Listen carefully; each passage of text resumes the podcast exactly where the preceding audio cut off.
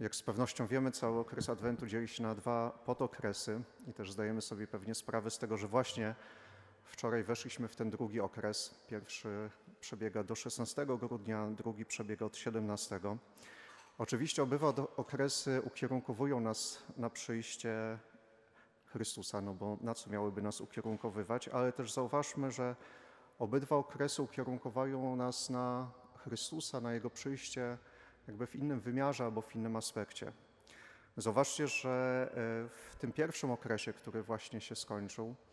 bardzo często jest tak, że, że Bóg, który ma nadejść, jest przedstawiany w takim wymiarze takim uniwersalnym, czy też wręcz, wręcz kosmicznym. Jest przedstawiany jako ostateczny sędzia całego wszechświata, jako wypełnienie e, celu całej historii, jako, jako spoiwo, jako zwornik całej rzeczywistości, jako taki sens, który jest wypełnieniem wszystkich cząstkowych sensów, ku którym jakoś zmierzamy. Zobaczcie, że w tym sensie Chrystus był przedstawiany w takim wymiarze, wymiarze bardzo uniwersalnym, a począwszy od 17 grudnia, wczoraj to trochę się rozmyło, dlatego że była niedziela,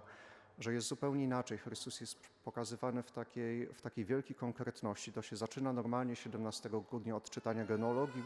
Chrystusa, czyli ukazania, że On jest naprawdę z krwi i kości, że nie jest tylko czymś, co tak uniwersalnie rozlewa się po całej historii, tylko że po prostu 2000 lat temu narodził się z krwi kości, miał swoich przodków. I tak samo ta dzisiejsza Ewangelia jest taką Ewangelią, która ukierunkowuje nas na to, co konkretne. Z narodzeniem Jezusa Chrystusa było tak.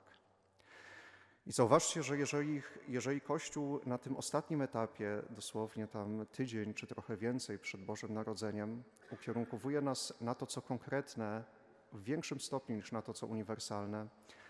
to my się nie po to, żeby gdzieś tam ofiarować nam pewną taką szczyptę romantyzmu, dzięki której, czy takiego sentymentalizmu, dzięki której łatwiej nam będzie przeżyć te święta.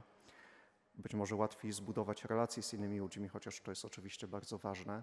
Jeżeli Kościół na tym ostatnim etapie, takim rzutem na taśmie, e, jakoś nam przedstawia Chrystusa jako kogoś takiego bardzo konkretnego z krwi i kości, to myślę po to, żebyśmy sobie uświadomili tę fundamentalną rzecz, że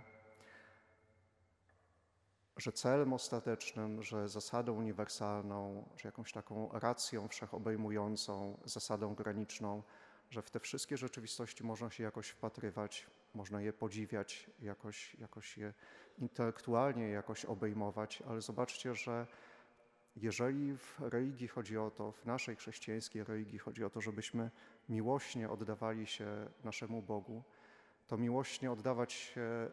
można jedynie osobie. Jeżeli byśmy byli osobami, którzy, którzy utracilibyśmy właśnie z naszych, sprzed naszych oczu to,